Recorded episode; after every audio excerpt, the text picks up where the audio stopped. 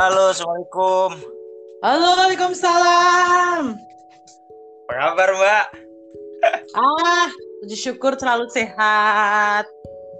Sepertinya makin sejahtera juga ya. Sejahtera itu diciptakan, Ri. Akses syukur, akses rasa bahagia itu kan wujud kesejahteraan. Nah, iya makanya saat ini kalau aku ketemu orang lama atau orang-orang di sekitarku lah, doaku itu akhirnya semoga sehat dan sejahtera selalu. Begitu jadinya, Mbak. Ah, kesejahteraan itu yang paling utama itu kan kesehatan, Ri. Nikmat Iya. nafas, nikmat nafas itu kan luar biasa ya gitu. Heeh. Nikmat nafas itu luar biasa. Terkadang pada suatu waktu kita tuh sering lupa bahwa itu adalah suatu kekayaan, sebuah kenikmatan, sebuah kemerdekaan, sebuah surga yang nyata itu sebenarnya nafas. Iya, iya.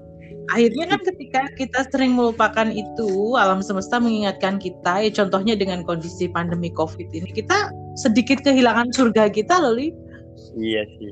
Ya. Ini ini kita open open baru buka langsung dalam loh pembahasannya. Aduh, aduh, aduh, aduh. Nggak sih, nggak sih, nggak sih. Kayaknya sama-sama eh, kayak pengen apa ya pengen ngomong banyak pengen sharing banyak gitu kayaknya udah lama juga kan nggak ketemu Ya, kita lama nggak pernah ngobrol, nggak pernah diskusi. Sebenarnya kalau di rum- di rumah, karena kan eh, semenjak kondisi pandemi ini kan kita jarang bisa ketemu di satu ruang terbuka gitu. Akhirnya Nah. di satu rumah ini kita sediakan satu tempat ruang kita untuk diskusi sama teman-teman gitu. gitu Ya, tujuan tapi kan ya mbak teman-teman main ke sana masih masih dengan dengan saya menerapkan protokol kesehatan karena di rumah kan anak-anak ada anak-anak kecil, jadi mereka setiap Iya, kali iya. datang harus cuci tangan segala macam itu. iya sih gitu. Lagian saya juga selek, aku juga selektif sih Ri, untuk terima tamu ya, terima tamu Iya. itu selektif. Maksudnya kita tahu track tracknya dia gitu loh. oke tapi eh, sebelum kita ngobrol lebih dalam nih ya biar Hmm, Oke gini, oke. eh, aku pengen eh, kayak ini kan pasti ada yang dengerin gitu kan meskipun yang Hmm. harapan saya tuh nggak nggak muluk-muluk harus banyak yang dengerin enggak gitu setidaknya ada lah Mhm. Jadi aku pengen kenalin dulu kepada pendengar. Hmm. Beliau ini namanya adalah Mbak Ika, Mbak Ika Ratna. Eh, saya kalau nggak salah dulu ketemunya Mbak Ika itu 2014 ya Mbak. Iya. 2014. Dua, pertama kali ketemunya di rumah rumah Sentini itu ya, Ya betul betul. Di, di rumah Sentini itu. Mhm, mhm. Mungkin dulu belum biasa lah, say hello aja kan dulu ya, say hello. Ya masih belum masih belum terlalu ini ya. Belum Ah. mungkin frekuensinya masih belum nge-match jadi kita masih belum dalam kenalnya. Ah, ah. Nah, eh, sejauh itu ya aku nggak tahu tuh, eh, maksudnya gimana sih eh, kisah perjalanannya Mbak Ika ya dari mungkin dari sejak itu sampai sekarang ya. Yang yang saya ketahui adalah eh, tentang hanya tentang pemikiran-pemikiran Mbak Ika dan ah knowledge-nya saja ya, yang tertransfer saya tidak tahu ya eh, latar belakang dan gimana sih kisah serunya Mbak Ika hingga sampai nyampe pada titik ini nih ya. Kalau nggak salah kan dulu jadi terapis ya. Tiba-tiba Ya. sekarang udah, udah jadi hakim. Eh hakim ya. Ya, yang bukan aku lawyer lah. Aku lawyer. Lawyers ya. Kayak jadi lawyers gitu. Jadi kayak itu adalah suatu journey yang sangat luar maksud saya itu sangat menarik gitu. Karena berjauh-jauhan nih terapis terus lawyers gitu kan. Nah, eh, mungkin dimulai dari Mbak Ika mungkin sharing secara singkat eh, journey-nya Mbak Ika dari dulu sampai sekarang sampai detik inilah. Sampai titik inilah ya. Eh, Hai, selamat malam semuanya. Banyak pendengar kan di sini, Ri? Ah, Iya, iya. lumayan. Nah, selamat malam semuanya. Salam kenal. Eh, aku Ika Ratna, biasa dipanggil, ada yang panggil Mbak, ada yang panggil Madam, ada yang panggil Mak. Terserah senyamannya yang manggil aku gitu kan. Kayak banget. Kayak panggilan pokoknya. Ya kayak Madam panggilan itu- kalau Madam Ah. itu ketika jadi ini ya jadi tarot trader ya. Ah, Madam itu ya itu nama namaku ketika menjadi konsultan life ya, konsultan kehidupan seseorang ketika menginginkan ah, apa? menginginkan nasihat atau apa gitu itu Hmm. menginginkan dia menginginkan di coach dibantu di guiding untuk mengenal dirinya itu panggilanku madam lah tapi karena itu sudah melekat gitu akhirnya sampai sekarang pun juga masih banyak yang manggil madam walaupun madam, ya. ada, ada ya ada klien ada di dunia lawyer pun orang-orang juga kenalnya madam gitu lu apa kayak uh, luas banget gitu kalau mbak. Kayak petualangan baik itu dunia itu sangat luas Ri. Dunia itu sangat luas. Uh, terlalu apa ya terlalu sempit kalau kita mengungkung diri kita di satu kebenaran di satu kisah perjalanan hidup gitu loh. Aku kan memang tipik orang banyak menganggap aku tuh absurd. Artinya aku tuh banyak banyak menjalani kehidupan yang sebenarnya itu tidak pernah tak inginkan artinya tidak pernah tak inginkan itu aku nggak pernah berpikir aku besok pengen gede eh, cita-citaku tuh apa kepingin apa kepingin apa enggak mm -hmm. uh, aku dulu sekolah itu kan okay. uh, uh, aku dulu sekolah itu kan kepinginnya waktu itu kepingin di sekolah di kepingin di sekolah TK TK Katolik hmm. karena waktu itu satu iya. kali di, di Kabupaten Banyuwangi itu adalah satu ada satu TK Katolik yang aku suka gitu kan aku suka lah. Ternyata orang tua aku bilang nggak usah jauh-jauh sekolah di dekat rumah oke. Okay. jadi aku selalu ngikutin orang tua aku aja bilang oke okay, sekolah di dekat di, di dekat rumah. Okay. aku ngalir aja konsep konsep hidupku dari dulu ngalir oke okay, aku sekolah dekat rumah aku berprestasi dan lain-lain. Nah terus SMP ketika ditanyakan sama orang tua kamu pengennya di mana? Aku pengennya di SMP salah satu SMP favorit di Banyuwangi SMP satu Banyuwangi Padahal hmm. kalau secara nilai itu aku masuk lah, tapi karena yeah. mereka bilang oh terlalu jauh, kalau dilihat dari rumahku terlalu jauh, wes nggak usah terlalu jauh, yang penting ah, deket dekat rumah. Oke lah, aku ngikut aja yang deket rumah yang okay. jaraknya nggak terlalu jauh, sekitar 4 kiloan dari rumah. Situ, okay. aku juga hmm. berproses di sana, aku berproses di sana aku tuh emang seneng banyak temen ya aku nggak mau pilih-pilih iya. temen dari latar belakang keluarga apa pun aku nggak pernah milih karena memang dari kecil aku dididik untuk untuk menjadi orang yang humanis gitu okay. keluarga aku ini kan multi multicultural juga oh, iya. multi religion gitu kan iya iya iya nah, dari situ aku memang dari kecil diajarin untuk berpikir terbuka bahwa semua keyakinan itu baik kembali kepada kemanusiaannya. Semua agama itu baik kembali kepada manusianya, gitu kan. Mm-hmm. Dari kecil aku dia dibekali bahwa hidup itu untuk memanusiakan manusia lain. Itu sudah aku berpegangan dengan itu. Oke. Okay. Jadi aku nggak pernah memilih orang itu Kristen, Hindu, Buddha. Aku nggak pernah memilih itu. Orang itu mau Islam, mau ini apa nggak? Nggak nggak peduli itu. Dia mau anaknya pejabat sampai anaknya orang menganggap proletar dan lain. Saya tidak memilih itu karena aku melihat pribadi orangnya rural ya intinya ya. Aku rural lah. Terus habis itu aku di SMP orang tua aku tanya kamu pengen sekolah di mana? Waktu itu aku kepengen sekolah di SMA lagi-lagi SMA SMA Katolik di Jogja waktu itu karena hmm. ada keinginan orang tua aku masuk di dunia kedokteran. Oke. Okay. oke okay lah. Uh, oke okay, aku ngikutin apa katanya orang tua aku berpikir itu adalah salah satu bentuk baktiku kepada mereka. Walaupun uh, apa ya ibaratnya aku sendiri kok pengennya di uh, teknik aku tuh kan suka ini suka mekanik gitu kan suka mekanik berarti main ya Ah, aku suka apa namanya suka bermain mesin dan lain-lain. Aku suka otomotif gitu loh. Aku oh. suka otomotif. Oh, iya. Pengennya sekolah di SMK. Oke. Okay orang tua aku bilang jangan sekolah di SMK nanti kan temen zaman segitu kan masih belum terbuka zaman kayak hmm. sekarang. Nah banyak iya. temen cewek gitu kan rata-rata cowok datang semua. ya. ah, job masih job itu masih di job itu masih dilihat dari gendernya. Kalau oh, perempuan oh. itu enggak. Pekerjaan ini pekerjaan ini pekerjaan ini kayak bukan gitu kan. Kalau uh, uh, segala sesuatu tuh gender itu masih menjadi hal yang ini ya dominan banget ya. itu masih ya masih dominan banget kan. Oke okay, wes aku nggak sekolah di STM akhirnya aku sekolah di Jogja juga nggak jadi. Oke okay, aku sekolah di uh, eh, SMA SMA satu negeri. Sekolah okay. di situ. Aku mulai mulai putus asa. Aku ini kan nggak suka dengan ini ya. Nggak suka dengan hal-hal yang berlaku umum.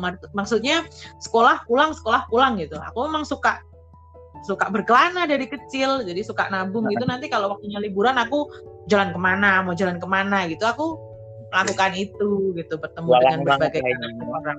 Ya intinya itulah. Aku kelas 5 SD udah nyampe Jakarta sendirian dari Banyuwangi naik kereta zaman segitu. Oh, hanya serius? hanya di serius? Jadi walaupun aku tuh anak tunggal yeah. aku dididik mandiri. Didik mandiri sama keluargaku. Jadi aku kelas 3 SD, kelas 3 SD itu aku udah pernah naik Gunung Bromo sama rombongannya temen uh, sama rombongan SMP-nya bapakku. Dan itu diizinkan aku berangkat. Oh, kalau yang ke Jakarta itu ke tempat siapa Mbak? Masa Bambung aja gitu atau gimana? Enggak, aku kelas 5 SD itu ke Jakarta ke tempat Bude. Jadi aku dibekali alamat, terus aku dibekali okay. nomor telepon gitu kan. Zaman segitu aku masih belum punya HP, dibekali nomor telepon. Terus nanti udah dijelasin, kamu nanti turunnya di sini, di sini, di sini, di sini, di sini. Oke, aku berangkat. Oke. Okay. jadi aku yang gak akan pernah ada kayaknya hari ini. Uh, jadi kelas 5 SD udah berangkat kalau berangkat aku boleh berangkat lah. Saudara-saudara kan banyak yang jauh ya, ada yang di Jogja, ada yang di Nganjuk kan. Nah, setiap kali liburan sekolah, setiap kali liburan sekolah tuh aku bilang sama orang tua aku, aku pengen di Nganjuk. Di Nganjuk itu kan tempat lainnya bapakku, keluarga besar kan kumpul sana. Iya, iya. Banyak banyak mas-masku, banyak adik-adikku di sana. Oke, naik iya. apa? Naik kereta. Udah naik kereta. Jadi aku mulai mulai ibarat hitungan aku dilepas keluar sendiri itu kelas 3 SD udah. Kelas 3 SD. Iya, kelas 3 SD sekarang udah ja langka bahkan nggak ada deh kayaknya kayak gitu. Aku mikirnya uh, aku aku kan dididik ketika bapak dari kecil aku diajarin kan. Kalau naik bis bertanya selalu dengan orang yang berseragam. Jadi uh, orang tua aku tidak menekan aku untuk ber uh, untuk cerdas secara ini ya, secara bisa cari kertas, uh, bukan intelektual, bukan dan nemu berapa enggak, tapi kamu harus punya satu pengetahuan yang luas gitu kan. Kamu tak bekali life skill gitu kan, dibekali skill untuk hidup. Aku dikenalkan dengan ketika kamu butuh bertanya itu harus dengan si A, butuh bertanya harus dengan si B. Terus hmm. kamu sudah bisa membaca ini sudah sampai stasiun mana, satu uh, uh, ibaratnya kamu tuh turun di stasiun Karangasem lah. Sebelum stasiun Karangasem itu apa kamu harus tahu? Jadi kamu harus sudah memper, sudah prepare barang-barangmu harus ini. Terus okay. sebelum berangkat kamu jadi mandiri banget tuh dari aku. Di aku ngebayangin kayak wow gitu. Kalau kalau zaman sekarang itu ada kayaknya itu bakal viral gitu loh mbak. Jangan-jangan itu juga diterapin sama Dara sama Queen. Iya aku menerapkan itu ke anak-anakku. Jadi anak-anakku orang melihat bahwa anak segitu udah dibebani dengan tanggung jawab mereka harus setelah makan ditaruh di tempatnya. Jadi Queen anak aku didik anak-anakku tuh kan mulai di usia 2 tahun udah bisa diajak oh. komunikasi udah komunikasi apa komunikasi dua arah Oke, okay, hmm. selesai makan, selesai makan ditaruh mana kak? Taruh tempatnya. Habis makan ngapain cuci, cuci tangan? Cuci tangan sabun itu udah tak iniin gitu. Karena aku berpikir intelektual itu berpengaruh, oke, okay. ya berpengaruh dalam kehidupan nyata, iya. Tapi yang paling utama itu adalah life skill gitu kan. Oh, oke. Okay. Cerdas apa pun, tapi kalau kita tidak punya skill dalam kehidupan, bagaimana berpartner dengan orang, bagaimana komunikasi dengan orang, bagaimana kita berinteraksi dengan orang, buat hmm. saya itu nggak ada gunanya gitu. Secerdas apa pun kamu kalau kamu tidak punya jaringan kalau kamu tidak punya eh. teman nggak akan bisa hebat. Aku berpikirnya iya. ke sana gitu. Iya iya, iya. bener banget tuh. Ah bertahan hidup. Aku nggak pernah dibekalin nggak pernah dibekalin. Kan bayangan orang mesti anak anak tunggal tuh pasti semuanya keturutan. Enggak. Iya enggak ya enggak aku ketika yeah. menginginkan sesuatu kamu harus berusaha gitu loh okay. kamu pengen kamu pengen bisa jalan eh, jalan-jalan pada saat liburan berarti kamu harus banyak nabung ya udah aku cara nabungku ya kayak gitu gitu dikasih uang saku dikasih apa tak taruh di celengan karena aku berpikir itu adalah bekalku untuk uh, apa ya untuk bisa jalan ke mana-mana. Bahasanya aku hmm. belakrak ke mana-mana adalah itu gitu loh. Dari nabung tadi kan? Dari nabung aku nggak mau bebanin nggak mau bebanin orang tua aku. Terus ibaratnya aku mau ke Jakarta terus aku minta aku minta uang sakunya nggak kayak gitu. Iya, iya. Okay. Sampai dengan SMP, SMA, oke okay, SMA ternyata posisi jatuh. Aku bilang ya udah aku nggak nggak perlu nggak perlu kuliah wes. Aku kerja aja aku bilang gitu. Aku kerja aja. Lalu kamu kerja ngapain usiamu masih segitu gitu kan kata orang tua. Hmm. udah kuliah aja. Kuliah di mana? Aku bilang gitu. Ya, yeah, kuliah yeah. di ini di Untak itu Universitas di Banyuwangi. Waktu itu sempat banyak penolakan besar nih dalam diriku. Karena apa? Yeah. Iya. uh, aku nggak kepingin kuliah di Banyuwangi. Karena aku kepingin kuliah itu ya di kota-kota besar. Karena aku berpikir kan di sana tempatku untuk berproses menempa hmm. menjadi lebih dewa lebih lebih dewasa aku lebih luas pandanganku aku berpikir ke sana ternyata juga uh, ketika Berkata aku punya ber, ah, semesta mempunyai mempunyai cara lain untuk mewujudkan iya. keinginanku itu gitu kan iya, iya, iya. Oke, waktu sempat frustasi waktu itu. itu. Jauh banget ya dari keinginan-keinginan awal Mbak Ika. Jauh, jauh dari aku yang suka mekanik, ke kepengen di dunia balap, otomotif nggak boleh. Uh. Oke, harus jadi dokter. Oke aku jadi dokter ternyata aku di press kan di press untuk bisa masuk di dunia kedokteran. Ternyata harus berbalik Allah ketika kondisi finansial keluarga nggak memungkinkan. Aku waktu itu disuruh daftar stan. Oke aku ngikutin orang tua aku stan. Daftar stan aku ikut apa namanya zaman itu tuh ada trial trial gitu kan. Aku yeah, iya, ikut. Yeah, yeah. Uh, ternyata aku nggak lolos.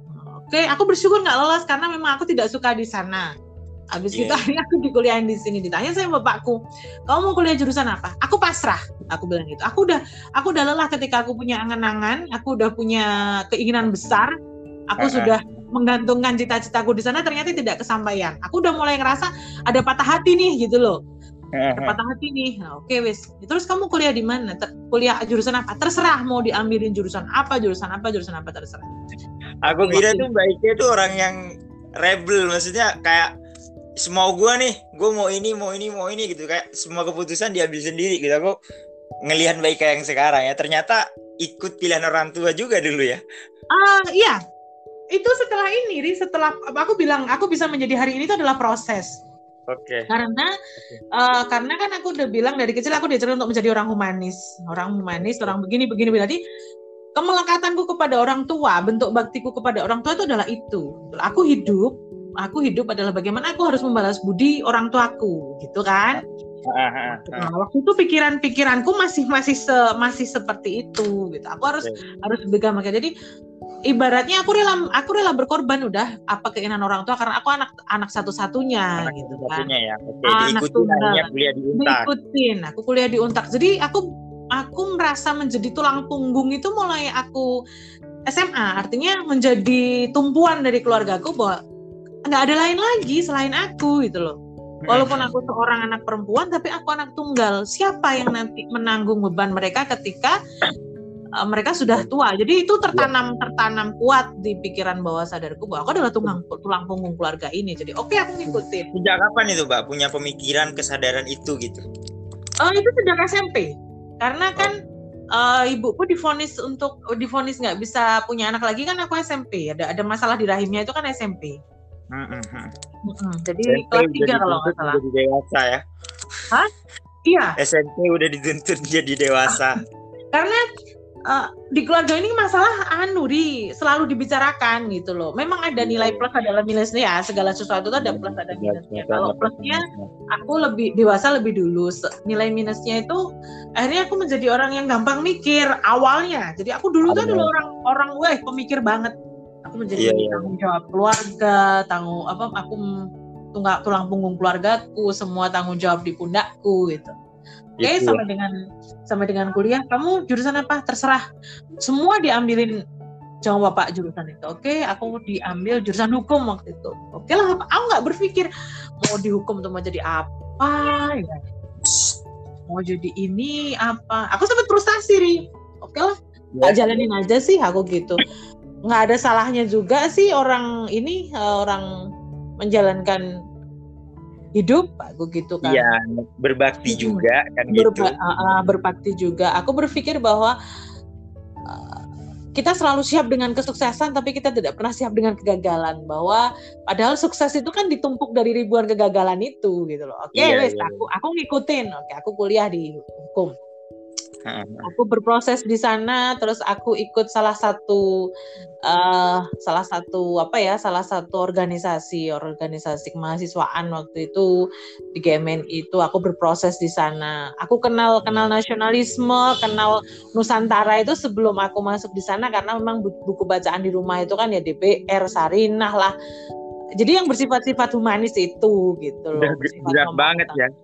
Ber berarti uh, itu buku-buku bacaan ada itu sebelum Mbak Ika masuk kuliah atau udah Belum. udah kuliah nih? Belum. Aku sejak ke, jadi kan gini nenek nah, salah satu keluargaku ini kan ada yang korban korban hasut hasutan PKI itu toh lah. Terus jadi kami kan juga banyak mengumpulkan bukti-bukti sejarah. Terus aku suka seneng baca, seneng baca. Aku memang seneng baca dari kecil Hmm. Kalau anak kecil bawaannya bacaannya komik, aku udah zaman segitu udah bacaannya majalah-majalah kayak Panjebar Semangat, terus Joyo Boyo, kayak gitu itu kesukaanku. Gila. Jadi orang anggapnya kamu ini apa sih gitu loh. Aku sih tiga tahun udah bisa baca, Ri. Pantas aku ngelihat ngelihat darah kayak ini nurun dari maknya ini. Kalau tiga tahun aku udah bisa baca ya itu. Terus uh, terus aku kan belajar ejaan lama. Itu kan aku suka dengan dunia dunia Jawa dunia Nusantara iya. ejaan lama. Artinya kayak gitu gitu ah di buku DB, DBR itu kan di bawah bendera revolusi yang dua jilid itu aku punya sampai sekarang ada di rumah. Itu ejaannya ejaan lama. Iya. Wih itu langka banget tuh pak langka banget. iya. Terus ada buku ada buku Sarinah yang tentang perempuan tulisannya Soekarno. Itu juga ejaan lama. Oh wis wis dipangan teter gitu wisan udah udah ya. Hmm. Aku SMA itu masih buku bacanya siapa ya? Buku siapa yang aku baca? Habibur Rahman Ali Siraji kayaknya ayat-ayat cinta gitu. Makanya kalau ada orang tanya, aku kan sering dibilang kamu tuh udik banget sih. Lagu-lagu terbaru aku tuh juga nggak tahu. Terus apa? Kartun itu aku hanya tahunya detektif Conan. Jadi kalau kartun yang sekedar apa ya? Sekedar konyol-konyolan gitu nggak tertarik. Iya, aku iya, suka iya. yang yang mengasah logikaku. Oh, ini nanti yang membunuh siapa, ini siapa. Ya, Jadi suka uh, uh, lah. Terus aku sejak sejak bisa baca, sejak bisa tulis tuh suka banget ngisi TTS. Jadi dulu aku setiap satu bulan sekali itu ibuku almarhumah ibuku tuh nimbangin TTS. Jadi ditimbang gitu kan, udah yang keisi hmm. ditimbangin dijual. aku suka beli kayak gitu. Jadi perjalananku itu ditemani TTS dan buku plus pulpen. Jadi aku setiap apa itu hmm. aku nulis. Aku ngambil kuliah itu akhirnya kan sama teman-teman di organisasi yang nggak tahu bergesekan begini begini begini. Terus aku juga kalau berbicara masalah komunikasi itu kan memang aku punya kelebihan di sana. Dan aku memahami itu kelebihanku. Aku berkomunikasi okay. dengan orang, mengorganisir, mengorganize tuh manajemen itu memang aku menyadari kelebihanku di sana. Ya udah aku berkiprah aku berkiprah berkiprah uh, sampai dengan ya berkiprah. Awalnya aku di BEM fakultas sampai dengan aku akhirnya menjadi ketua BEM universitas pertama perempuan waktu itu. Pertama jadi aku perempuan lagi. Iya. Wow. Ketua ketua BEM universitas pertama perempuan di kampusku. Udah aku menjalankan program-program itu. Aku awalnya tidak tertarik gini di dunia politik itu enggak gitu loh enggak, masih, ya? enggak enggak ada ketertarikan aku di dunia politis itu sama sekali enggak tertarik. Jadi aku lebih suka itu dengan kajian lebih suka dengan advokasi gitu loh. Iya iya, iya. dengan mekanik tentunya. Iya dengan iya. mekanik dengan teknik itu iya iya iya. Iya. Udah selesai aku berproses di sana.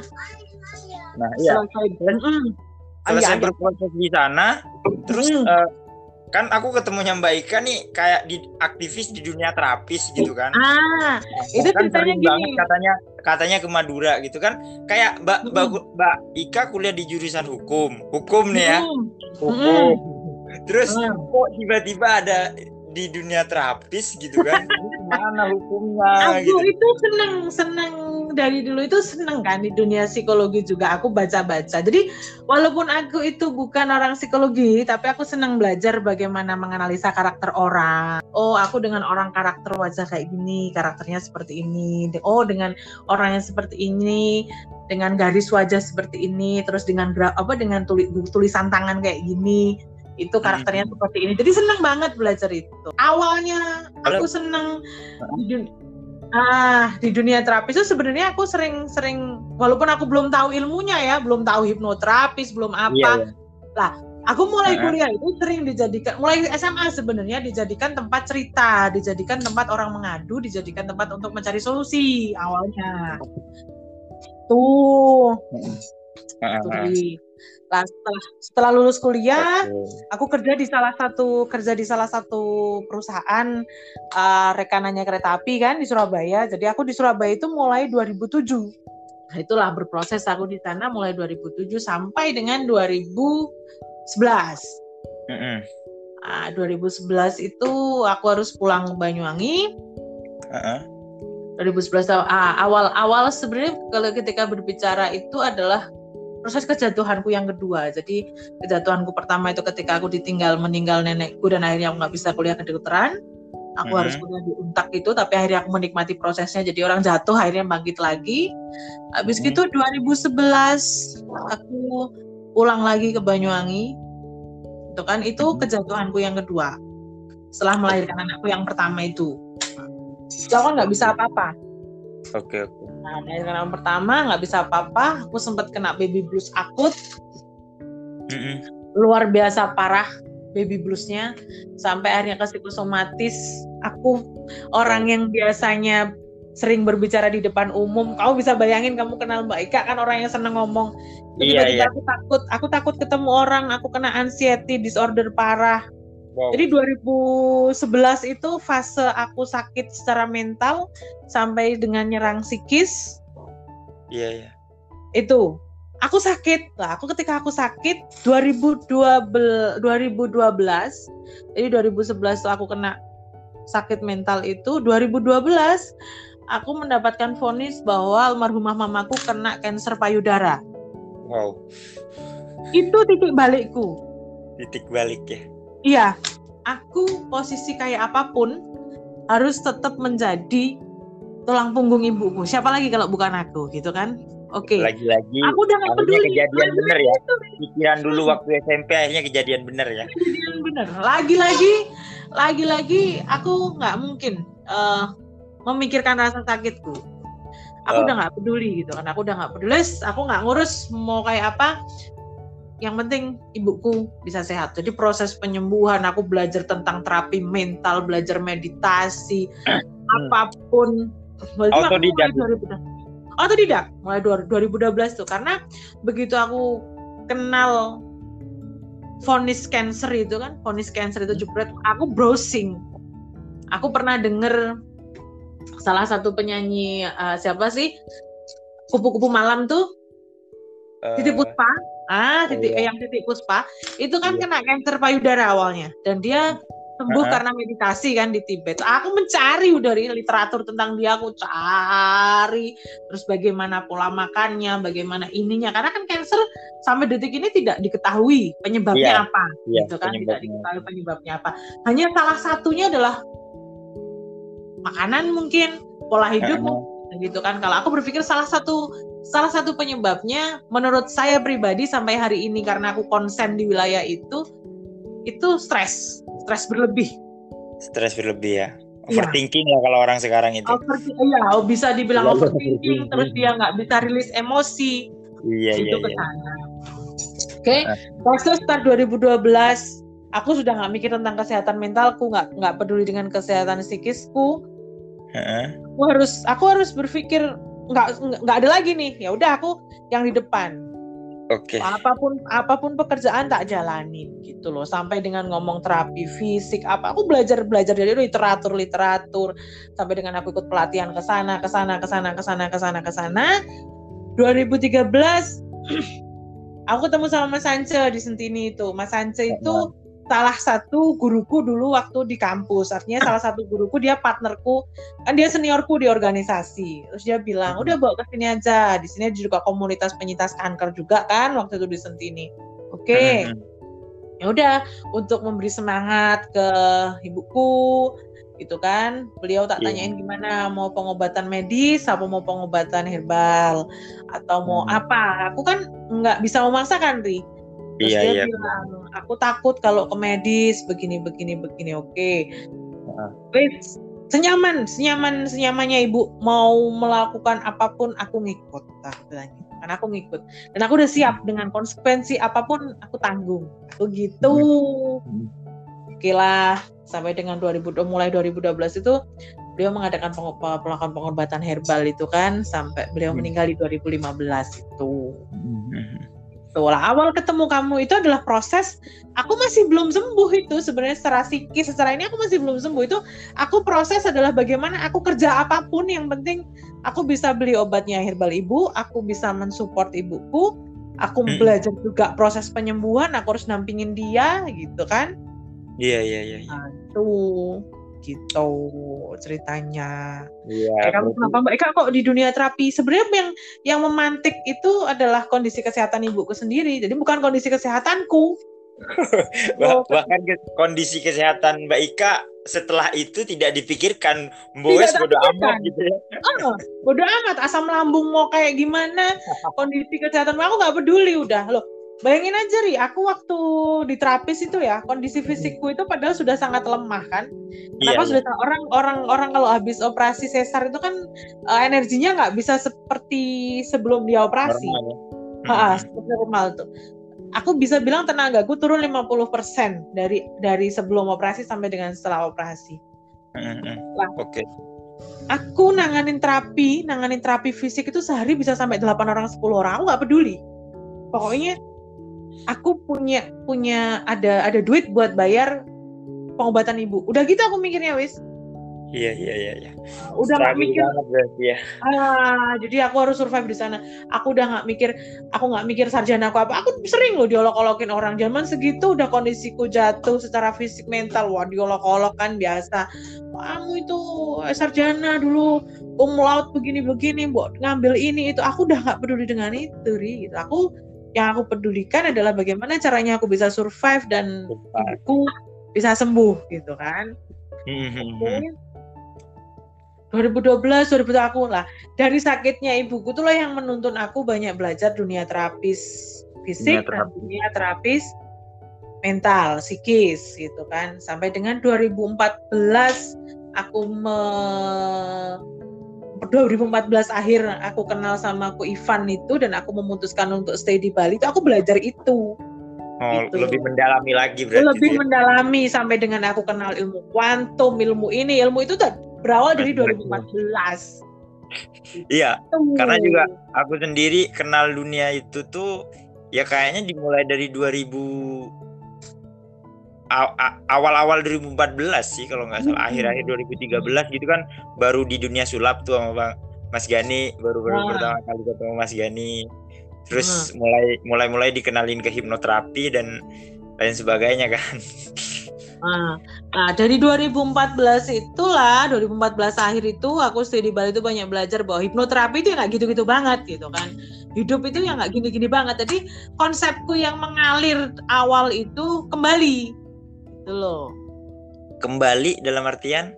Kembali mengalir, artinya bahwa uh, ketika kamu memutuskan, ketika kamu memutuskan untuk bahwa kamu mengambil kendali dalam hidupmu, kamu mengambil kendali penuh dalam hidupmu, itu kamu siapa gitu loh ketika aku bilang ibuku harus sembuh begini begini begini iya ibuku harus sembuh tapi aku juga punya harus tahu bahwa ada kuasa lain selain kuasaku gitu loh jadi yang menyadarkan aku tuh sebenarnya bisa dibilang aku sejak 2011 aku sakit itu aku merasa jauh dengan merasa jauh dengan keyakinanku aku merasa jauh dengan uh, big boss ya bos besar aku merasa jauh dengan Tuhan aku merasa jauh. Jadi iya.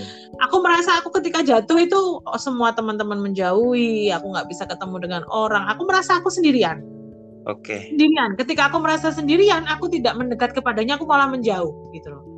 Jadi mulai dari jadi aku merasa bahwa hidup ini ya aku semuanya harus aku yang ini ya menjalankan. Kayak gitu aku jadi pusat dunia ini. Ya. Kalau aku nggak bergerak, ini aku nggak bergerak. Betul. Jadi 2011 tuh aku, aku yang menentukan langkahku. Jadi banyak keyakinan-keyakinan yang tak tinggalkan bahwa sebenarnya hidup itu ya nggak kayak ngono juga gitu kan. Hidup dia harus mengalir. Kita berusaha, hasilnya kita pasrahkan. Tapi 2011 itu aku lebih mendengarkan ego. Ego bahwa ibuku harus sembuh, bahwa aku menjadi tulang punggung, semua harus gini. Aku menentukan ketika aku ketika aku menerapi orang itu harus dapat uang itu 2011 padahal sebelumnya ketika aku menolong orang lain ya dapat uang nggak dapat uang terserah gitu loh. Jadi fokusku lebih kepada duit zaman 2011 itu sampai dengan 2014 akhir. Kesehatanku nggak karu-karuan kan iya. namanya orang stres terus kayak gitu. 2014 itu aku mulai rilis 2015 akhir itu aku mulai kenal sama Ko Ivan salah satu guruku yang di Bali itu dia ngajarkan banyak hal bahwa oke okay, kamu menginginkan ibumu sembuh tapi kamu harus tahu bahwa ada kuasa di atas kuasa kamu harus tahu bahwa dalam kehidupanmu itu adalah kendali lain. Oke, kamu sudah berusaha, tapi hasil itu kan bukan kamu yang menentukan. Oh, banyak hal dia aku belajar di sana itu. Jadi 2014 itu sudah aku benar-benar menghadapi kehidupan nyata, artinya kehidupan nyata buatku pribadi ya bahwa hidupnya nggak kayak gini, nggak selempeng, nggak selempeng yang dikonsepkan bahwa harus begini, harus begini, harus begini, harus begini. Oh, Mulai bisa berpikir bahwa lawan benar itu adalah benar yang lain kalau aku dari 2014 ke bawah, lawan benar itu adalah salah. Okay. Nah, enggak, kalau yang ini okay. salah gitu kan. Sebelum, Berarti kalau, sebelum lebih dalam ke situ, sorry aku potong. Hmm, sebelum gimana? lebih dalam ke situ, jadi ada satu hal yang uh, dari seluruh cerita Mbak Ika yang Mbak Ika sampaikan tadi gitu kan. Ada ada satu pertanyaan di di, di kepalaku yang hmm. tiba-tiba melintas gitu bahwa uh, ini kan Mbak Ika adalah anak tunggal. Hmm. Ya dan kalau ngomongin gender kadang kayak mm-hmm. wanita diasosia diasosiasikan dengan suatu hal yang mungkin yang lebih lembut lebih ya. uh, lemah, lemah. lah maaf ya. Nah uh, itu uh, kan uh, pandangan apa ya dikotomi yang ada di, di di lingkungan kita gitu kan. Ya, nah betul. uh, uh, apa sih yang bikin Mbak Ika itu kayak kuat gitu menjalankan itu semua? Ya ketika Mbak Mbak Ika dari eh, saat ini nih ber, mungkin evaluasi diri atau berkontemplasi nih iya kok aku bisa kuat sampai sejauh itu gitu kan gitu uh, kalau mau ditanya sebenarnya kenapa Mbak gender walaupun Mbak Ika itu bergender perempuan kok memiliki pikiran seperti itu oke okay, hmm. secara fisik secara casting eh, secara casing aku ini bergender perempuan tapi uh secara luas adalah manusia. Oke. Okay. Itu yang membuat aku kuat, Riz. Aku adalah manusia. Manusia itu baik laki-laki maupun perempuan dia bertanggung jawab terhadap hidupnya sendiri. gitu dia bertanggung jawab terhadap hidupnya sendiri bukan kita bukan kita me, apa ya menyandarkan diri kepada laki-laki memang sifatnya perempuan itu kan manja Ya. Oke, okay. oke. Okay. Aku aku perempuan itu manja. Dia ingin di, dinikahan. Tempat bersandarnya adalah suaminya. Iya. Tapi kembali lagi kita harus aware bahwa laki-laki maupun perempuan itu adalah manusia. Dia punya tanggung jawab pribadi dijalankan. Dia punya tanggung jawab dalam hidupnya. Dia itu sendiri tanggung jawabnya, bukan orang lain yang bertanggung jawab dalamnya. Itu yang membuat aku bahwa kuat sampai detik ini tuh kuat sampai detik ini.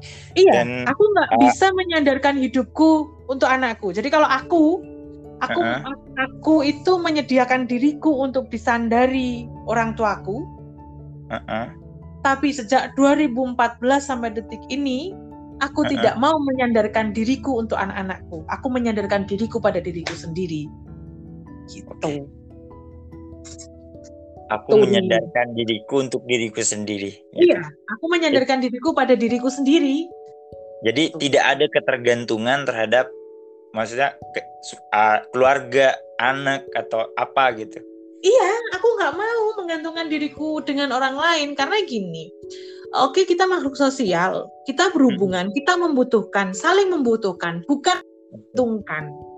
Oke. Okay aku butuh Ari, aku butuh butuh Mas Gani sebagai suami, aku butuh anak-anak sebagai bentuk interaksi sosial. Iya, tapi manusia lahir selain ngomong makhluk sosial juga dia makhluk individu, gitu kan.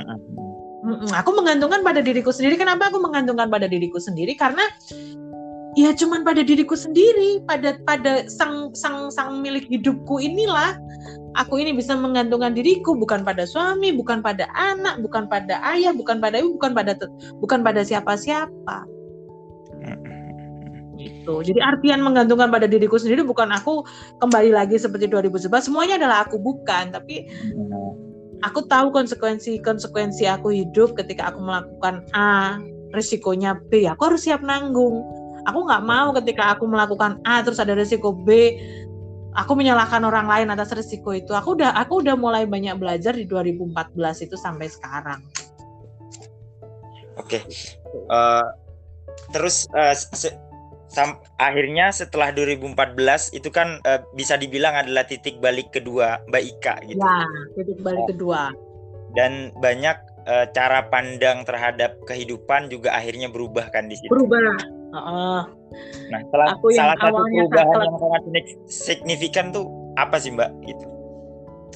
Perubahan yang selam, sangat signifikan dalam hidupku itu adalah ngomong tentang idealisme, Ri. Oke. Okay. Jadi aku dulu sebelum 2014 itu adalah aku orang aku menganggap diriku adalah orang yang idealis bahwa lawan dari salah itu adalah benar, lawan dari benar adalah salah. Buatku dua itu adalah satu ditambah satu. Aku tidak bisa berpikir luas bahwa dua itu bisa tiga dikurangi satu atau empat dikurangi dua Okay. Dalam ilmu matematika aku bisa berpikir luas, tapi dalam kehidupan nyata aku tidak bisa berpikir luas. Oke. Okay. Menarik ini kalau dibahas lebih detail lagi mungkinnya. Karena mungkin secara sekilas gitu kan orang ketika dikatakan ini bakal mantuk-mantuk gitu loh Mbak Ika. Cuma kan hmm. ketika ditanya ngerti nggak lu? ya yang mantuk-mantuk tadi itu belum belum tentu ngerti itu Mbak. Gitu saya kan memang uh, meyakini dan percaya bahwa sesuatu hal ketika dijelaskan semakin sederhana maka itu yang akan lebih mendekati kebenaran. Mm -hmm. Nah, cuma kan uh, kadang orang untuk ketemu gitu doang itu kan nggak gitu aja gitu loh. Iya, ketemu gitu doang itu prosesnya panjang banget. iya, nggak pak nggak nggak nggak nggak mudah kan, nggak sesederhana kesimpulannya kan akhirnya. Iya. Oh, oh. Nah, yang dimaksud Mbak Ika dalam artian ternyata uh, lawan dari benar itu bukan salah, tapi lawan dari benar adalah kebenaran lain. Itu kalau Mbak Ika bisa menjelaskan itu, karena kalangan ini saya awam lah, tidak apa sih maksudnya gitu kan.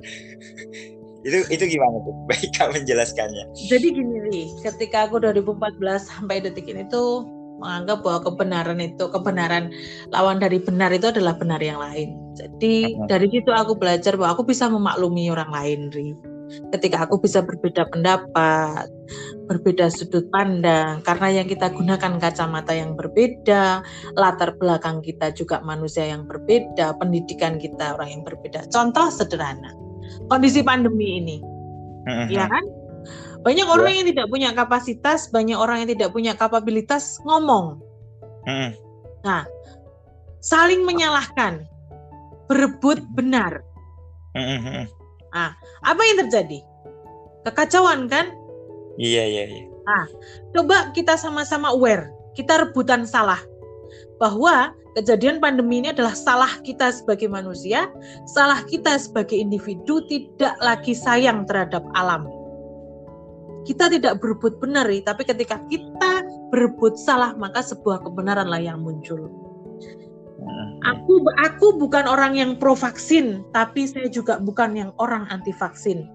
Hmm. Aku tidak percaya dengan COVID, tapi aku tidak perlu menyebarluaskan kepada orang tua. Aku tidak percaya COVID akan terjadi apa?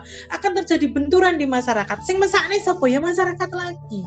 Iya sih jadi korbannya kondisi, adalah masyarakat lagi. Korbannya masyarakat. Kondisi hari ini elit politis ngomong begini, pemerintah ngomong begini, aturan di bawah ngomong begini karena rebutan apa? Rebutan benar, menganggap bahwa iki sing paling benar. Hmm. Bentrok kemanusiaan. Hmm. Pembantaian itu rebutan apa? Rebutan benar. Iki sing paling benar kowe salah. 2014 saya belajar bahwa lawan dari benar adalah benar. Iki sing benar kamu juga benar. Kamu uh. benar, saya benar. Oke, saya menghargai kamu sebagai kebenaran dan kamu menghargai saya sebuah kebenaran. Kita bisa berjalan beriringan, bisa saling menghargai. Humanis sebenarnya yang itu, Rin. Oke. Humanisme. Iya, Tapi bisa aja kan kayak gitu dianggap kamu kayak nggak punya uh, apa ya pendirian nih. Maksudnya uh, gimana ya? kan kadang ada orang yang ngedebat gitu kan ngerebutin salah benar tadi gitu kan ya udah uh, ya udah kayak kita ya udahlah lu bener-bener aja. Gue gua gua mau ini sendiri gitu kan. Ini kebenaran gue gitu kan. Kayak gitu nggak sih mbak nanti mbak? Efeknya kayak iya efeknya kayak gitu. Karena gini kan kita ini kan hidup di kehidupan yang memiliki keyakinan mayoritas. Artinya keyakinan mayoritas orang itu lawan benar adalah salah Nah, ketika kita memiliki keyakinan lain, maka dianggap itu adalah sebuah kekeliruan. Dan saya sudah paham dengan konsekuensi itu. Oh, Oke. Okay. aku pernah dianggap orang yang nggak punya nggak punya ini oke saya di dunia di dunia kehidupan pribadi kehidupanku pribadi bahwa lawan dari benar adalah salah tapi dalam kehidupan saya sebagai seorang lawyer lawan dari benar adalah benar tapi ketika saya menjadi lawyer maka harus memakai topeng bahwa lawan dari benar adalah salah iya toh iya iya benar, benar. Nah, jadi menempatkan posisi di situ saja. Kalau dulu ibaratnya aku sek maca idealis menganggap bahwa lawan dari benar adalah salah ketika ada kondisi kayak gitu itu kondisi pandemi gini. Aku bisanya hanya marah-marah mencaci. Ya apa sih pemerintah ini dengan kebijakan seperti ini? Begini begini hmm. begini. Kalau sekarang enggak. Sejak 2019 ada pandemi covid pertama. Yang tak lakukan adalah aku mengumpulkan donasi dari teman-teman yang mau donasi untuk apa? Untuk ngasih sembako ke orang-orang yang membutuhkan, kita punya data orang-orang di sekitar kita dulu, baru ke tempat lain tuh loh. Uh, Oke. Okay. Jadi sejak 2019 sampai hari ini itu rutin yang kita lakukan. Kita teman-teman Polo Dukun Modern yang kemarin hmm. Mas Gani sempat post itu, itu kan kenapa kita post karena itu kita sedang membentuk vortex kebahagiaan, mengatensikan teman-teman yang ada di Facebook itu untuk mendoakan bumi segera pulih, mengakses rasa syukur, rasa bahagianya itu sih membentuk vortex rasa kebahagiaan itu. Gitu. Uh, terus gini, aku kan ngelihat uh, dari cerita Mbak Ika dari awal hmm. sampai uh, tadi ya, betapa Mbak Ika itu struggle-nya menghadapi kehidupan ya, dengan alasan itu tadi Baika bahwa hmm. saya ada anak tunggal yang harus uh, terus berjuang untuk hmm. menghidupi hmm. keluarga dan lain sebagainya gitu. Hmm.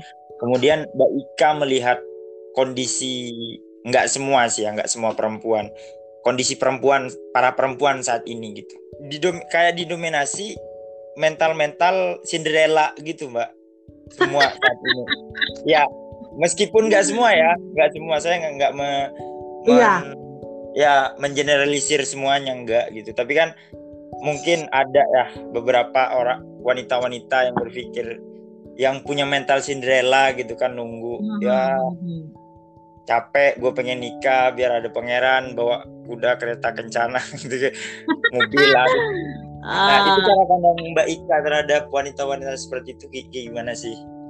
Uh, aku sebenarnya kan aktif di dunia perempuan tuh udah lama ri, mulai 2003. Hmm. Sebelumnya, ibaratnya aku terjun bener terjun untuk advokasi dunia perempuan. Sebenarnya karena dunia, dunia perempuan tuh sulit. Hmm. Kenapa aku bilang sulit? Kita hidup itu di dunia patriarki sebenarnya. Oke. Okay. Di dunia yang serba mulai dari sistemnya, mulai dari dogmanya, itu adalah ngomong tentang laki-laki. Ngomong hmm. tentang di Indonesia, ngomong tentang di Indonesia aja, kita ngomong semuanya adalah dunia patriarki sampai dengan hmm. kebijakan 30% itu kan juga ini toh. Nah, kenapa aku bilang sebenarnya aku gencar ngomong jadi perempuan tuh harus berdaya, jadi perempuan tuh harus cerdas, jadi perempuan tuh harus selesai dengan dirinya sendiri. Jadi perempuan tuh harus bisa mencintai dirinya sendiri apa adanya. Jadi perempuan menurutku dia harus tahu kelemahannya apa, kelebihannya apa, tugas pokok fungsinya perempuan itu apa. Tugasnya perempuan itu apa sih? Tugas tugas pokok fungsi dan perempuan itu loh. Satu, dia adalah madrasah pertama untuk anak-anaknya. Dia adalah dia adalah pencetak kader. Entah kader ideal, entah itu kader biologis maupun kader ideologis perempuan itu perempuan itu memang harus cerdas gitu loh. Wajib okay. itu tuh. Karena aku bilang perempuan itu harus berdaya harus mengetahui kelemahanmu apa kekuranganmu apa terus kamu bagaimana bisa menjadi seorang yang struggle. Jangan melihat kamu adalah seorang perempuan tapi lihatlah kamu sebagai manusia. Kalau kita masih memilah-milah gender perempuan oh hmm. ladies first ini begini begini begini. Karena memang uh, struktur sosial ya, Ri. Struktur sosial hmm. di struktur sosial di lingkungan kita itu walaupun di era setelah Kartini itu masih hmm. menganggap bahwa perempuan itu lemah. Dan itu diamini gitu loh. Kenapa aku bilang diamini? Diamini sendiri oleh para perempuan dengan Contohnya. melemahkan dirinya. Contohnya? Contohnya ladies first apa coba hebatnya ladies first? Kenapa perempuan harus diistimewakan? Giliran mau antri ladies first suruh ngangkat galon. tak tolong canda galon jadi nggak nggak sih uh, buat aku sih perempuan harus punya life skill juga gitu loh dia juga harus dia harus juga banyak membaca dia juga banyak dia juga harus punya banyak pengetahuan. Dia harus bisa memberdayakan dirinya sendiri. Dia juga harus bisa aware terhadap dirinya. Mungkin mereka tahu nih mbak bahwa perempuan harus berdaya perempuan hmm. harus pintar gitu mungkin gitu kan. Hmm. cuma mungkin dia nggak tahu nih harus mulai dari mana atau uh, cara memulainya loh kayak gitu tuh. Cara memulainya itu adalah kenali diri sendiri nih. Oke. Okay. harus kenal sama dirinya kalau dia nggak kenal sama dirinya nggak selesai dia jadi perempuan Kenapa aku bilang kenali dirimu? Kenali dirimu. Karena kebanyakan perempuan tuh rata-rata playing victim. Karena dia nggak kenal dengan dirinya. Oh kelemahanku nih apa? Kelebihanku nih apa? Kekuranganku apa? Tantanganku nih apa? ya setelah dia kenal sama dirinya oh paling nggak dia tahu kelebihannya di mana kurangnya di mana terus apa yang mau diberdayakan dan dia harus cinta terhadap dirinya sendiri. Kenapa perempuan itu selalu jadi objek, selalu jadi objek kapitalisme, selalu jadi objek neoliberalisme, dia selalu dijadikan objek oleh sistem karena perempuan itu susah untuk cinta sama dirinya sendiri. Dia sering membandingkan dirinya dengan perempuan lain. Tanya sudah dari 10 perempuan, kamu cantik enggak? Mm. Akan banyak yang bilang ma dengan malu-malu bahwa dirinya itu cantik. Enggak ada yang dengan tegas bahwa aku cantik. karena, iya. Yeah. Karena, karena karena perempuan ini susah suruh bilang aku cantik dia bisa bilang aku kaya aku cerdas bisa bilang kamu cantik tidak semua perempuan dengan tegas menganggap bahwa aku cantik. Karena apa? Nilai cantik itu sudah bergeser jauh. Value kecantikan itu bergeser jauh. Menjadi? Value kecantikan hari ini itu sesuai yang dimarketkan oleh kaum kapitalisme. Putih, putih gitu. yes. Hari ini ngomong dulu Dulu uh, uh. cantik itu adalah hitam manis. Bergeser lagi dulunya, cantik itu adalah kurvi. Bergeser lagi, cantik itu harus kurus. Bergeser lagi sampai dengan hari ini nilai itu nilai ketampanan itu bergeser ke orang-orang Korea. Jadi nek wajah kayak Korea, yang lagi lagi ngetren sekarang kan drama Korea tuh. Iya iya iya. Nah, nek mbien ngetren kecantikan itu boleh. Mm-hmm. Jadi selera nilai itu disamaratakan. Untuk teman-teman yang nggak aware, teman-teman yang nggak aware, akhirnya memposisikan dirinya sebagai objek. Merawat diri oke, okay. make up di make up oke, okay. tapi tetap cintai dirimu apa adanya. Kita bisa mencintai diri sendiri, kita bisa menerima kekurangan diri sendiri, menerima kelebihan diri sendiri. Dari situlah sebenarnya muncul inner beauty self acceptance itu tadi ketika kita mampu mencintai diri sendiri inner beauty-nya akan muncul gitu loh. Orang banyak yang cantik tapi nggak menarik. Tapi ada orang secara physically kecantikannya tidak tidak bisa disamakan dengan kecantikan yang sama dengan hari ini. Tapi dia sangat terlihat menarik. Banyak loh. Nah, aku kadang nemuin gitu nih meskipun nih nggak enak dipandang gitu tapi kok gila nih wanita menarik banget gitu. Karena beda-beda ya. Oh, kalau iya. pandang laki-laki beda-beda sih Bang, Mbak. Hmm. Lah, value itu yang yang value itu yang sering di apa ya, yang sering disamakan gitu loh. Kita kan harus aware, oh apa ya kok hari ini uh, nilai perempuan yang cantik itu kok seperti ini ya. Itu kan ngomong kepentingan pasar, kepentingan ya. tapi kan begini Mbak. Gitu ketika hmm. itu adalah kepentingan pasar dan itu adalah udah menjadi hegemoni gitu kan itu udah hmm. banyak orang yang mengamini itu gitu kan hmm. saya yakin uh, dengan kata-kata cintai dirimu yang saat ini dikampanyekan self love self love gitu kan terhadap hmm. dirimu nah sekarang kan zaman modern ini segala akses informasi itu kan terbuka dengan adanya medsos nih. Ha. Nah, saya yakin uh, tidak semua wanita ketika oke okay, di mulut ngomong self love nih gitu. Nah kemudian tapi ngelihat postingan wanita yang lebih cantik, uh, pokoknya yang lebih dari dirinya gitu kan, pastinya ada insecure dong mbak. Kayak, aduh kak, aduh gue kayak enggak ada apa-apanya nih gitu kan, uh, muka gue nih masih gini gini-gini. Nah itu yang lebih dari sekedar kata-kata gitu loh mbak, bahwa lebih sekedar kayak ayo ayo gitu itu.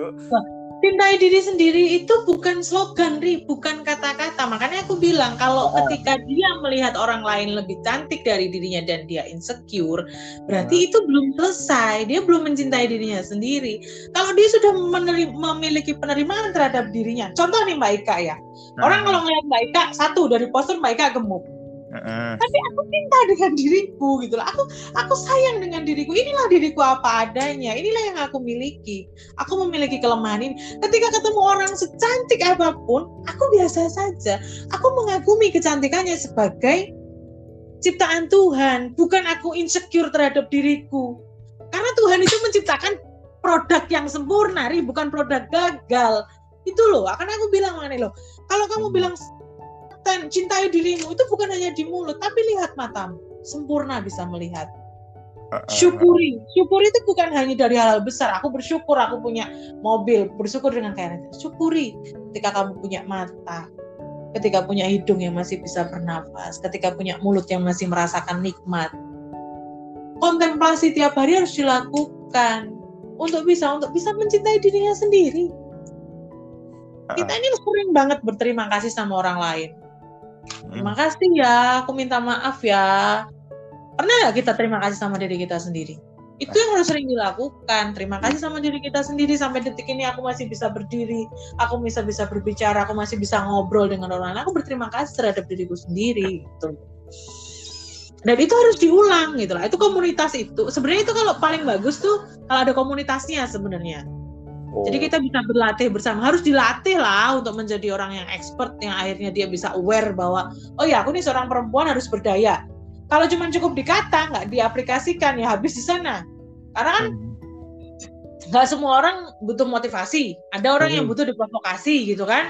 Iya iya. Nah, orang-orang orang-orang yang diprovokasi ini kita lihat karakternya ya kita pacu bagaimana mereka bisa memberdayakan dirinya gitu loh namanya berdaya itu kan kita sudah tahu sumber dayanya di dalam diri itu apa.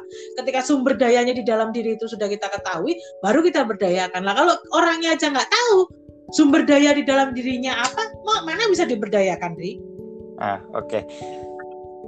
Uh, eh, menarik banget nih. Nyampe sini udah mulai ketemu nih uh, bagaimana wanita berdaya ya dengan dirinya oh. sendiri, tidak lagi memandang kelemahannya ya tapi memang hmm. intinya kita adalah manusia kan yang memiliki ya. potensi yang sama memiliki bentuk sesempurna sempurnanya gitu nah hmm. tapi ngomongin tadi Mbak Ika mention kayak harus nerimo bener-bener nerimo dan mampu berterima kasih nih terhadap apa yang udah dia miliki nih biar tidak hmm. hanya ngomongin self self love tapi cuma dalam mulut nih nah kira-kira hmm. ada nggak sih teknik-teknik tertentu mbak uh, ketika Mbak Ika ngomong ya nerimo uh, berterima kasih gitu kan. Atau ada nggak sih ritual-ritual tertentu atau teknik-teknik tertentu untuk orang biar lebih accepted terhadap dirinya atau terhadap ada. kondisi apa pun yang dia miliki gitu. Ada nggak sih uh, teknik-tekniknya ada. gitu? aku kalau kalau itu adalah ritualitasku setiap pagi. Setiap pagi aku bangun tidur itu aku melihat diriku di dalam cermin ya sudah aku bersyukur. Aku terima kasih sampai hari ini. Itu aku sering ucapkan. Jadi permohonan rasa terima kasih itu aku ucapkan seperti aku berbicara dengan diriku dalam wujud yang tak lihat. Itu setelah berbicara itu aku juga ngomong minta maaf jika selama ini ketika ibaratnya satu hari aku nggak perhatian sama tubuhku aku mungkin terlalu lelah dengan pekerjaan akhirnya mungkin otakku capek tubuhku capek.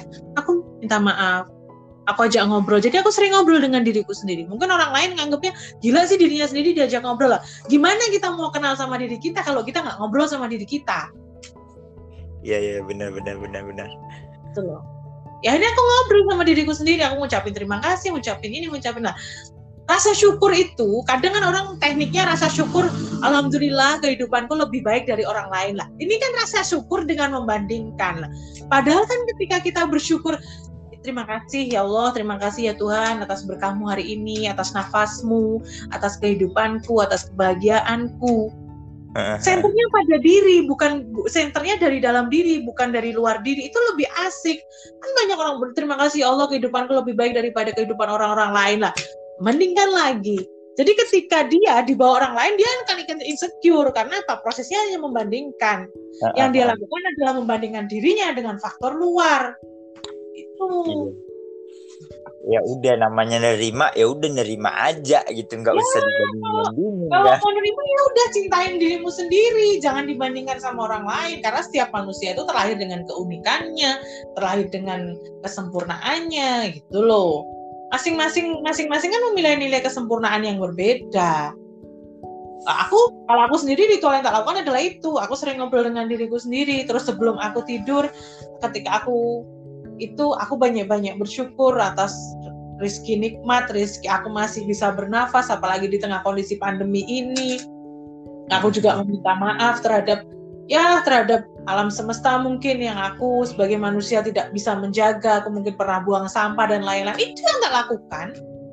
Jadi proses proses kalau orang tanya proses mendekatkan dirimu dengan Tuhanmu bagaimana ya aku berbicara karena aku menikmati caraku itu menikmati ritual itu aku berbicara aku bercerita. Oke. Jadi sang, sangat luar biasa nih obrolan kita udah hampir satu jam lebih bahkan ini. Oh, udah satu jam lebih ya? Gak kerasa. Ya? Gak kerasa banget ya. Uh, harapkan buat pendengar sekalian uh, semoga aja ada manfaat yang bisa diambil ya. Karena memang Amin. tagline itu mbak uh, ngobrol aja dulu ketemu maknanya antaran aja gitu. Oke. Okay. yang penting aku yakin kok makna itu bakalan ketemu entah kapan. Uh, uh, yang penting kamu mau dengerin dan nerima kan? Hmm. jadi nggak kayak nggak ada penolakan wah nggak gitu nggak gitu gitu kan. Tapi udah dengerin aja dulu ya. Ketemu maknanya antar aja gitu. Hmm. oke. Okay kayaknya okay. udah cukup nih Mbak untuk didengarkan dan semoga aja menginspirasi dan uh, bisa menjadi apa ya bantuan sudut pandang yang lain lah. Siap. Biar siap. Orang yang ngedengerin gitu. ya dan semoga Mbak masih tetap diberikan kesehatan. Amin. Kesejahteraan. Amin. Amin. Ya, gitu dan terima kasih atas doa yang sama untuk dirimu dan semua yang ada di sini. Amin, amin, amin. Kangen banget nih, udah pengen ngumpul-ngumpul, pengen ketemu-ketemu lagi ngobrol offline. Tak tunggu di Banyuwangi. Oke, insya Allah tanggal ya. tanggal 8 saya ke sana. Oke, oke, siap, siap. Ditunggu oke. kedatangannya, Ri. Siap, siap. Terima kasih banyak sebelumnya, Mbak. Mohon maaf nih, udah menyita waktunya. Enggak sih, enggak enggak enggak menyita waktu. Aku bahagia hari ini bisa ngobrol. Iya. terima kasih banyak, terima kasih banyak. Hmm. Oke. Okay. Uh, uh, jadi itu tadi uh, sharing-sharing kita dengan Mbak Ika Ratna, salah satu praktisi ya uh, pengembangan diri, hipnoterapi dan tarot reader juga. Masih bisa tarot kan Mbak? Masih, masih, masih masih ya. Masih, jadi kalau mau mau konsultasi nih tentang bagaimana cara ngelid hidup ya kan? Karena lu udah udah kehilangan arah hidup lu gitu kan? Mau minta tolong ya kan? Bisa hubungi di med ada medsos kan ya mbak? Ada Facebook ada ada WA ada di IG ada, juga ada. Ada, ada aja di Ikaratna hmm. ya semua ya nama sebenarnya. Jadi hubungi hmm. aja beliau mungkin kalian pengen sharing-sharing ya, karena open banget sih Mbak Ika tuh open banget sih terhadap masukan-masukan hmm. dan ini. Oke mungkin cukup sekian kurang lebihnya kami mohon maaf uh, sekian dari kami tetap iling dan laspo, lan waspodo ya.